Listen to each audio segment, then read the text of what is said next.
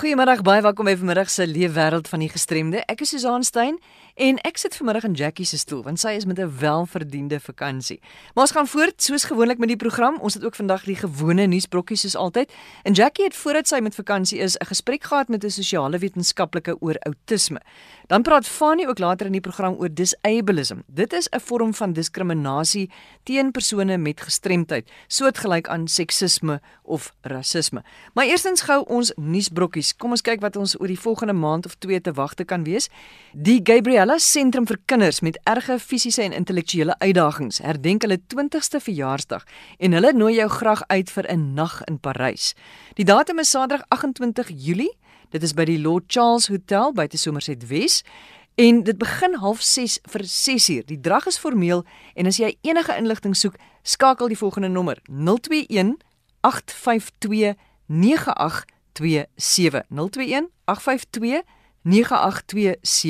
of stuur 'n e-pos na info@gabriellacenter.org.za info@gabriellacenter.org.za Die nasionale kinderbeskermingsweek word jaarliks waargeneem om bewustheid vir die regte van kinders te bevorder. Kom ons werk saam om te verseker dat alle kinders met gehoorverlies toegang tot die vereiste gehoortegnologie en rehabilitasiedienste het wat hulle benodig om te hoor, te praat en 'n gevoel van koestering in hulle daaglikse lewe te ervaar.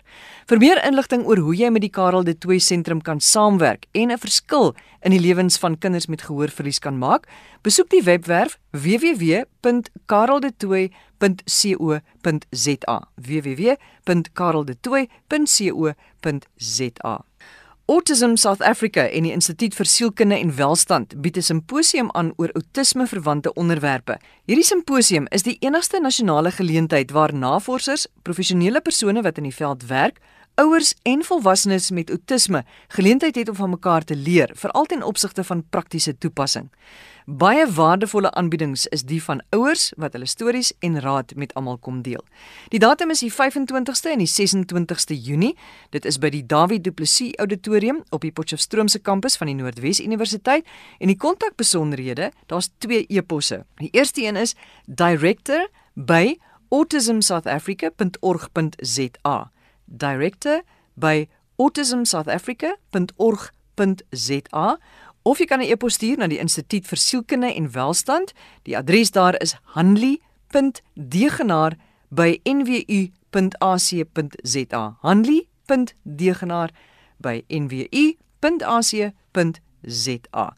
En laastens, die Karel de Tooy sentrum in Oos-London waar gehoorgestremde of dowe kinders leer om te praat, gaan 'n 5 en 8 km wedloop onderskeidelik hou vir die gesin op 17 Junie by Hillview Plaas. Die koste is R80 vir elke inskrywing en daar's T-hemde en geskenkpakkies vir die eerste 250 inskrywings. Kontak 043 742 0420 043 742 1420 vir meer inligting. En dis ons nuusbrokkies, kom ons gaan voort met vanmiddag se program. Ek het nou in die brokkies genoem van die simposium oor outisme wat op 25 en 26 Junie in Potchefstroom plaasvind. Nou Jackie praat nou met Dr. Liesel Schlebusch. Sy is 'n sosiale wetenskaplike wat navorsing doen oor die vroeë intervensie vir kinders met gestremthede, insluitend kinders met outisme. Sy werk by die Centre for Autism Research in Africa. Hulle doen navorsing oor outisme in Afrika en hulle is deel van die departement van kinder- en adolessente psigiatrie aan die Universiteit van Kaapstad. En sy vertel vir Jackie van die spesifieke projek waarmee sy op die oomblik besig is. Dit is 'n samewerkende projek tussen die Universiteit van Kaapstad, die Nasionale Departement van Sosiale Ontwikkeling, Autisme Suid-Afrika wat 'n nuwe winsgewende um, organisasie is en waarmee ons betrokke is is 'n um, die Wêreldgesondheidsorganisasie het 'n program geskryf wat spesifiek gefokus is op lae en middelinkomste lande sodat ons ouers kan leer hoe om met hulle kinders te werk wat ontwikkelingsgestremdhede het insluitende kinders met outisme. Ja, en as 'n mens praat van kinders met ontwikkelingsgestremdhede, hoe wyd is dit en ons praat nie noodwendig hier net van kinders met verstandelike gestremdhede nie, Liesel? Ja, jy's reg. Kom ons nou sê net breed ontwikkelingsgestremdhede spesifiek vir die die program wat wat ons besig is met 'n loodstudie is omdat ons nou besef het maar in hierdie lae la en middelinkomste lande laat ouers wat 'n kind het met 'n gestremdheid baie jare vat voordat hulle 'n diagnose kry. So ons het probeer dat dit so wyd as moontlik is dat die program is vir kinders met intellektuele gestremdhede, kinders met outisme, kinders wat dalk net ontwikkelingsagterstande het, die wat fisiese gestremdhede plus dan nou ontwikkelingsagterstande het. So die idee is eintlik dat dit 'n wye spektrum gestremdhede dek en laat ouers nie noodwendig hoef te wag vir 'n diagnose, 'n spesifieke diagnose voordat hulle toegang het tot so 'n tipe hmm. program nie. Dis daarom kom ek praat van 'n 'n wye deel van ontwikkelingsgestremdhede. Julle het op die 25ste en die 26ste Junie interessante simposium die derde keer in 'n ry jaarliks en Interessant dat al die mense wat bymekaar kom en baie van jou navorsing is hoog op die agenda. Verduidelik vir ons van die navorsing, met wie was dit gedoen en van die hoogtepunte wat sou jy uitsonder, Liesel? In die eerste plek moet ek sê dis 'n baie opwindende geleentheid want hierdie is 'n besonderse um, geleentheid waar ons navorsers, maar dan ook ouers het, ons het mense met um, autisme wat self praat. So die idee is dat dit 'n baie praktiese geselse en gesprekke is en selfs die navorsing spesifiek is ook meer wat is die praktiese implikasies vir die gewone mense opgerond en nou nie net noodwendige akademiese joernaal waar jy na hierdie artikel gaan lees nie. In daai gees sal ek in 'n glas graag 'n bietjie meer van my navorsing wil deel. Byvoorbeeld die eerste projek is nou een wat reeds afgehandel is en in hierdie projek het ons ouers wat 'n kind het met outisme gevra om so 'n bietjie meer te deel van hulle familie se leefwêreld. Ons het byvoorbeeld gevra van hulle familieroetines. Met ander woorde, die dinge wat hulle elke dag as 'n gesin saam doen, so saam eet, kinders regtig vir skool, miskien aand 'n slaaptyd roetine of so. Mm. Ons het ook vir hulle gevra oor hoe voel hulle oor die positiewe en dan ook die negatiewe impak van 'n kind met outisme op hulle huisgesin. Negatiewe goed soos byvoorbeeld is daar addisionele finansiële kostes wat geassosieer word met 'n kind met outisme. Iets uh, soos is daar meer ekstra tyd wat moet gebruik word om na die behoeftes van 'n kind met outisme om te sien. En ook positiewe goeie soos of hulle as gesin meer bewus is van ander mense met 'n gestremdheid, se omstandighede en uitdagings of die um, familie elke kind se unieke persoonlikheid en spesiale talente meer waardeer reeds as gevolg van hulle eie kind met outisme in die huis. En dan die derde ding wat ons vir die ouers gevra het is hoe voel hulle oor die hele familie se lewenskwaliteit? Um, en hier het ons gekyk na dinge soos die emosionele welstand, materiële welstand, ouerskap, familie-interaksie en die familie se tevredenheid met die dienste wat hulle ontvang vir hulle kind met outisme. Maar as jy nou kyk na byvoorbeeld familieroetine uitdagings, positiewe terugvoer, lewenskwaliteit, sou jy sê as jy kyk spesifiek dan na 'n gesin met kinders in outisme, loop daar val vir jou half 'n goue draadjie deur? Is daar goed wat mense amper verbind dat hulle amper dieselfde tipe uitdagings het, die dieselfde tipe positiewe terugvoer. Wat sonder jy uit? Hoe hoe dit vir jou gelyk? Okay, ek gaan dalk praat as 'n veralgemening van van die resultate van die hele studie. So wat ek nou sê is nie noodwendig van toepassing op al die families ja. nie, maar dit is 'n soort van die die groter prentjie as ons kyk nou na wat almal gesê het. En dan is dit eerstens belangrik om te dink aan die lewenskwaliteit van die hele gesin en wat hier uitgestaan het vir ons met ons Suid-Afrikaanse ouers is dat die emosionele welstand van families is dikwels die aspek waar oor hulle die minste tevrede is. Met ander woorde, dit waarmee hulle die meeste sukkel. En hier kan ons as samelewing 'n daadwerklike bydrae maak deur meer begrip te hê van autisme en ook om 'n sosiale omgewing te skep waar ons families meer insluit en nie uitsluit nie. Ja. Dan die tweede ding wat ek sal sê, as ons weer kyk na die resultate oor die algemeen, was dat families wat 'n bietjie meer 'n ritmiese dag het, waar rotines redelik gereeld gebeur, selfs dit daar selfe tipe ding, uh so ons kan sê daar's 'n ritme in plaas van 'n bietjie meer te mekaar chaotiese dag. Nou daai families wat 'n meer 'n ritmiese dag gehad het, was ook die wat meer tevrede gevoel het met hulle familie se lewenskwaliteit. En wat dit vir ons beteken is dat as daar families is wat bietjie sukkel met familieroetines, weens verskillende omstandighede, ja. miskien moeilike gedrag, as ons daai families kan help met intervensie wat spesifiek maak dat hulle familieroetines bietjie meer reg gereeld en gereguleerd gebeur, laat ons indirek vir hulle beter familiewelstand kan skep Maar die ander ding is ook dat veral in die terapie bedryf om te weet dat die tipe intervensies wat ons vra van ouers om te doen by die huis, dat dit nie sal inmeng die hulpbronne soos tyd en energie wat nodig is om hierdie familieroetines te onderhou nie. Lisa nou na aanleiding van hierdie navorsing jy het gewerk met families. En as jy hierdie papiere moet vat en jy gaan spreek terapeute toe, wat sê jy vir hulle? Wat is daai stem wat deurgekom het van families wat jy wil oordra aan jou terapeute? Die eerste ding wat ek graag vir terapeute wil sê, gebaseer op wat ons gesien het wat families gesê het, laat dit belangrik is om te kyk na die lewenskwaliteit van die hele gesin.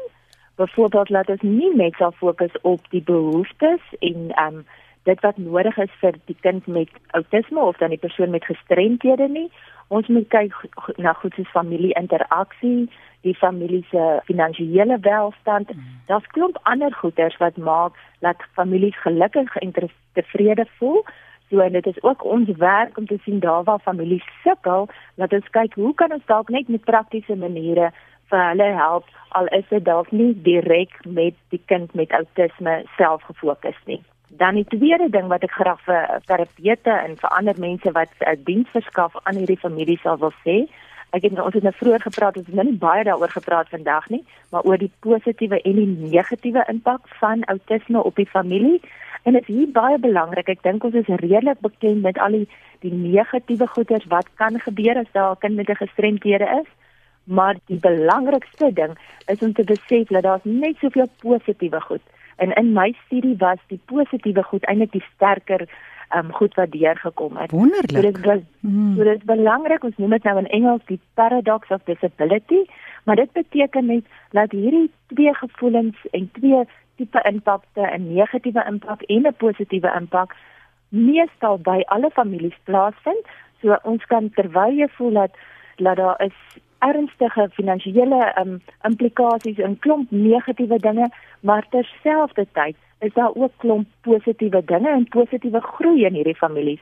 En dit is belangrik dat ons hulle bietjie meer vra van hierdie positiewe groei wat plaasvind in hierdie families en nie net altyd sal dink, "O, dit is nou baie erg of dit is dit is 'n verskriklike ding nie. Daar's soveel wat ons by hierdie families kan leer rondom die positiewe um, impakte van 'n kind met outisme op die huisgesin. Dis Dr. Liesel Schlebusch wat gesels het. Interessant wat werk wat sy doen. Liesel en jy gaan een van die sprekers wees op die simposium baie kortliks ietsie daaroor en vir wie? Hoe gaan mense te werk om deel te raak daarvan? Die simposium word gehou deur die Instituut vir Sielkunde en Welstand aan die Noordwes Universiteit, die Potchefstroom kampus. Dit is op die 25ste en die 26ste Junie en mense wat meer van dit wil weet, kan vir Autisme Suid-Afrika of Autism South Africa skakel by 011 484 9909 of die Instituut vir Sielkunde en Welstand by 018 299 1737. Vir die persone wat 'n e-pos wil stuur, hulle kan 'n e-pos stuur aan Hanley Degenaar. So e-posadres is hanley.degenaar@nwi.ac.za. Dit was Jackie January wat gesels het met Dr. Liesel Schlebusch van the Centre for Autism Research in Africa. Die simposium waarna hulle verwys het, vind plaas op 25 en 26 Junie in Potchefstroom. En 'n nommer vir Autism SA is 011 484 9909. 011 484 9909. Jy luister na Leefwêreld van die gestremde op RSG. Jy kry vir ons 100 tot 104 FM ook op die internet www.rsg.co.za. Dis nou tyd vir Fanny de Tooi om oor te neem en hy gesels vanmiddag met Andrei Kalis oor disableism. Nou dis 'n term wat glo gebruik word vir diskriminasie teen mense met gestremthede, soos seksisme of rasisme. Fanny sê hy soek juis 'n goeie Afrikaanse woord hiervoor en as jy een het, stuur vir my 'n SMS 45770 na die ateljee toe. Elke SMS kos R1.50. In vandag se program raak ek 'n baie kontroversiële saak aan. Die Engelse term is disableism. Nou ek weet nie die kundiges moet ons help met die Afrikaans. Ek kon nog nie 'n Afrikaanse woord vir die term disableism opspoor nie. Maar om hieroor te gesels, sit ek my gesprek verder vandag voort met Andrei Kallas. Nou Andrei Kallas is van die Nasionale Raad van en vir persone met gestremthede in Suid-Afrika. Hy's daar 'n spesialis en hy het te doen met beleide en hy het te doen met gestremdheid. Andre, welkom by ons. Baie dankie Faan en dankie vir die geleentheid. Nou Andre is erg gehoor gestremd en ek kommunikeer deur middel van spraak, deur liplees wat Andre liplees in die ateljee het ook oorfone op en gebruik dan die kombinasie van tegnologie en alternatiewe forme van kommunikasie om met my te kan gesels hier op RSG. Nou Andre, vertel ons net eers meer van jou werk en wat jy doen as 'n persoon wat doof is daar, net kortliks. Ja, Fanny, ek is betrokke, ek is uh in 'n posisie van ek betrokke by kinders met gestremthede om 'n beter bedeling vir kinders met gestremthede in ons land te probeer be bewerkstellig. So alles uh al my dienste en ons spannetjie se dienste is gefokus op die bevordering van kinders met gestremdhede in Suid-Afrika. En dan ook um is ons baie sterk ingestel op um die regte van persone met gestremdhede oor die algemeen omdat daardie regte vertrap word deur die samelewing uh daar nie voldoende insig is uh oor persone met gestremthede nie, nie genoeg kennis is oor uh, persone met gestremthede en gestremthede as sulks nie. So ons probeer dit teenvoeter. En dan is ons ook uh betrokke by beleidsaspekte en ons uh, werk aan die beïnvloeding van beleid wat in die beste belang van persone met gestremthede is. Nou ek het in die begin van die program gesê ons gaan on hierdie saak wat ons gaan aanraak is nou disableism, maar 'n mens hoor dikwels die kwessie van rasisme en feminisme en toe jy met 'n woord gekorendag gekom die sektor van gestremdheid globaal oor disableism. Vertel ons net 'n bietjie die konsep, waaroor gaan dit? Ja, disableism Fanny is 'n kort gestremdheidsdiskriminasie. Dit is diskriminasie teenoor persone met gestremthede. Net soos wat rasisme diskriminasie is teenoor persone van 'n sekere etniese groep of wat ook al, so is um disableism, die Amerikaners praat van ableism. Ons in Suid-Afrika is meer geneig om te praat van disableism. So disableism is gestremdheidsdiskriminasie en dit is Dit is die uh algemene samelewing is taamlik deurtrek daarvan. Dis ableism kan bewuslik um gepraktiseer word of onbewuslik gepraktiseer word. Baie mense dink ek besef nie dat hulle uh besef nie dat hulle disabled is nie, maar deur hulle dade um demonstreer hulle baie duidelik dat hulle um uh vooroordeele het teenoor persone met gestremthede. So diskriminasie as gevolg van vooroordeele teenoor persone met gestremthede. Nou kom ons kyk na 'n paar praktiese voorbeelde. Jy noem nou dit is in die praktyk elke dag sigbaar. Wat is dit? Ja, funny daar is so baie. Jy weet, ehm um, kan ek vir 'n voorbeeld noem? Ek was nou so lank terug moes ek ehm um, ekstra ekstrale laat neem En ek sit toe in die wagkamer en die die radiografis was in die kamer langs aan die wagkamer en sy het kom toe na rekke na my toe op en sy sê vir my I have been calling you 5 times. Uh you can come through now. To say for but I'm sorry but I didn't hear you. I am deaf. I am profoundly hearing impaired and I didn't hear you. But I've uh, but I've been calling you 5 times en sy kon nie verstaan dat ek haar nie kon verhoor nie. Dit is 'n voorbeeld van disableism.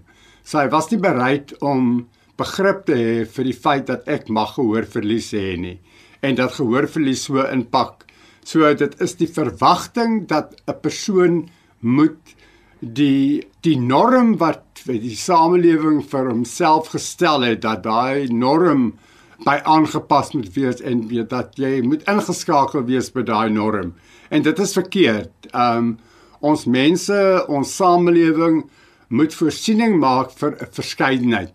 En soos wat ons 'n uh, diverse samelewing is met persone met gestremthede deel van daai kleurryke en diverse samelewing en persone e-, eerder in so in in so beeld sien as wat hulle hulle sien as ondergeskikte persone. So ongelukkig word gestremde persone nog deur baie mense gesien as ondergeskik en tweederangse burgers om die waarheid te sê en dit dit is 'n situasie wat ons geweldig baie kry wat kinders met gestremthede ook betref.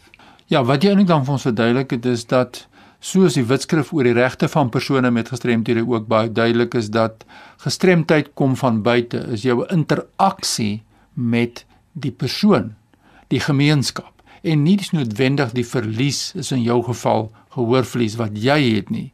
So die probleem is nie die rolstoel gebruiker nie. Dis die probleem lê by die trappe wat daar is. Daar's nie 'n oprit nie.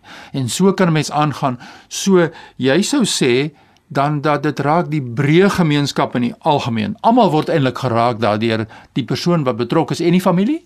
Maar daar is baie mense wat vooroordeele handhaaf teenoor gestremdhede. Um, En ons moet dit aanspreek deur middel van verhoudingsveranderinge en insig te ontwikkel by mense. So dit kan aangespreek word. Nou hoe spreek mense dit aan in praktyk? Ek dink ons het 'n baie beslis anti-disableism kursusse en werkswinkel nodig. Ek dink nie iemand het dit al gedoen gedoen nie.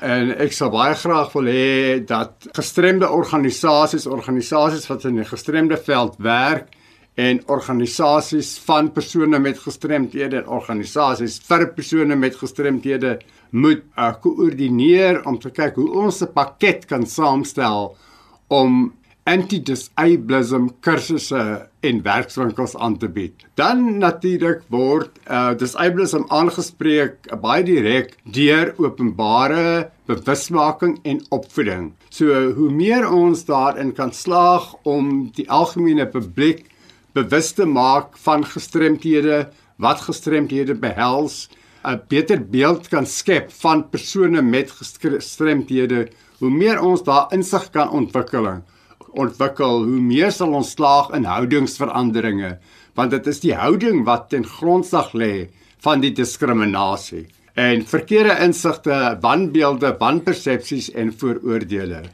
Nou die nasionale raad waarby jy werksaam is, julle het nou natuurlik van hierdie programme by die nasionale raad wat dan nou hierdie sensitiseringsprogramme, as ek jou reg verstaan, wat dan aangebied word.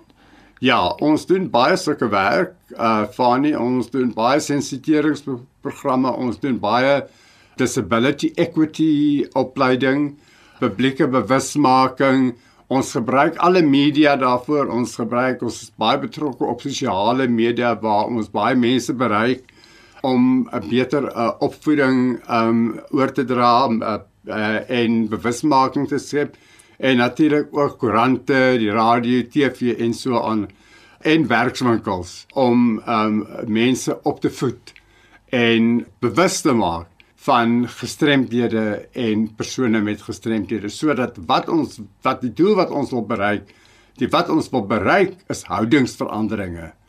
En want daar is wys internasionaal as 'n mens persone se houding kan verander dan ehm um, die outomatiese uitvloei daarvan is inskakeling van persone met gestremdhede in die gemeenskap Ja, alles natuurlik sluit aan by artikel 8 van die VN-konvensie wat baie duidelik is oor die kwessie van bewusmaking in artikel 8, hoe dit gedoen moet word, waar dit gedoen moet word en wie dit moet doen. En Andre, as mense jou wil skakel, waar kry hulle vir jou aan die hande? Hulle sal vir my met e-pos asseblief en met tog nie probeer bel nie omdat ek nie oor die foon kan kan hoor nie.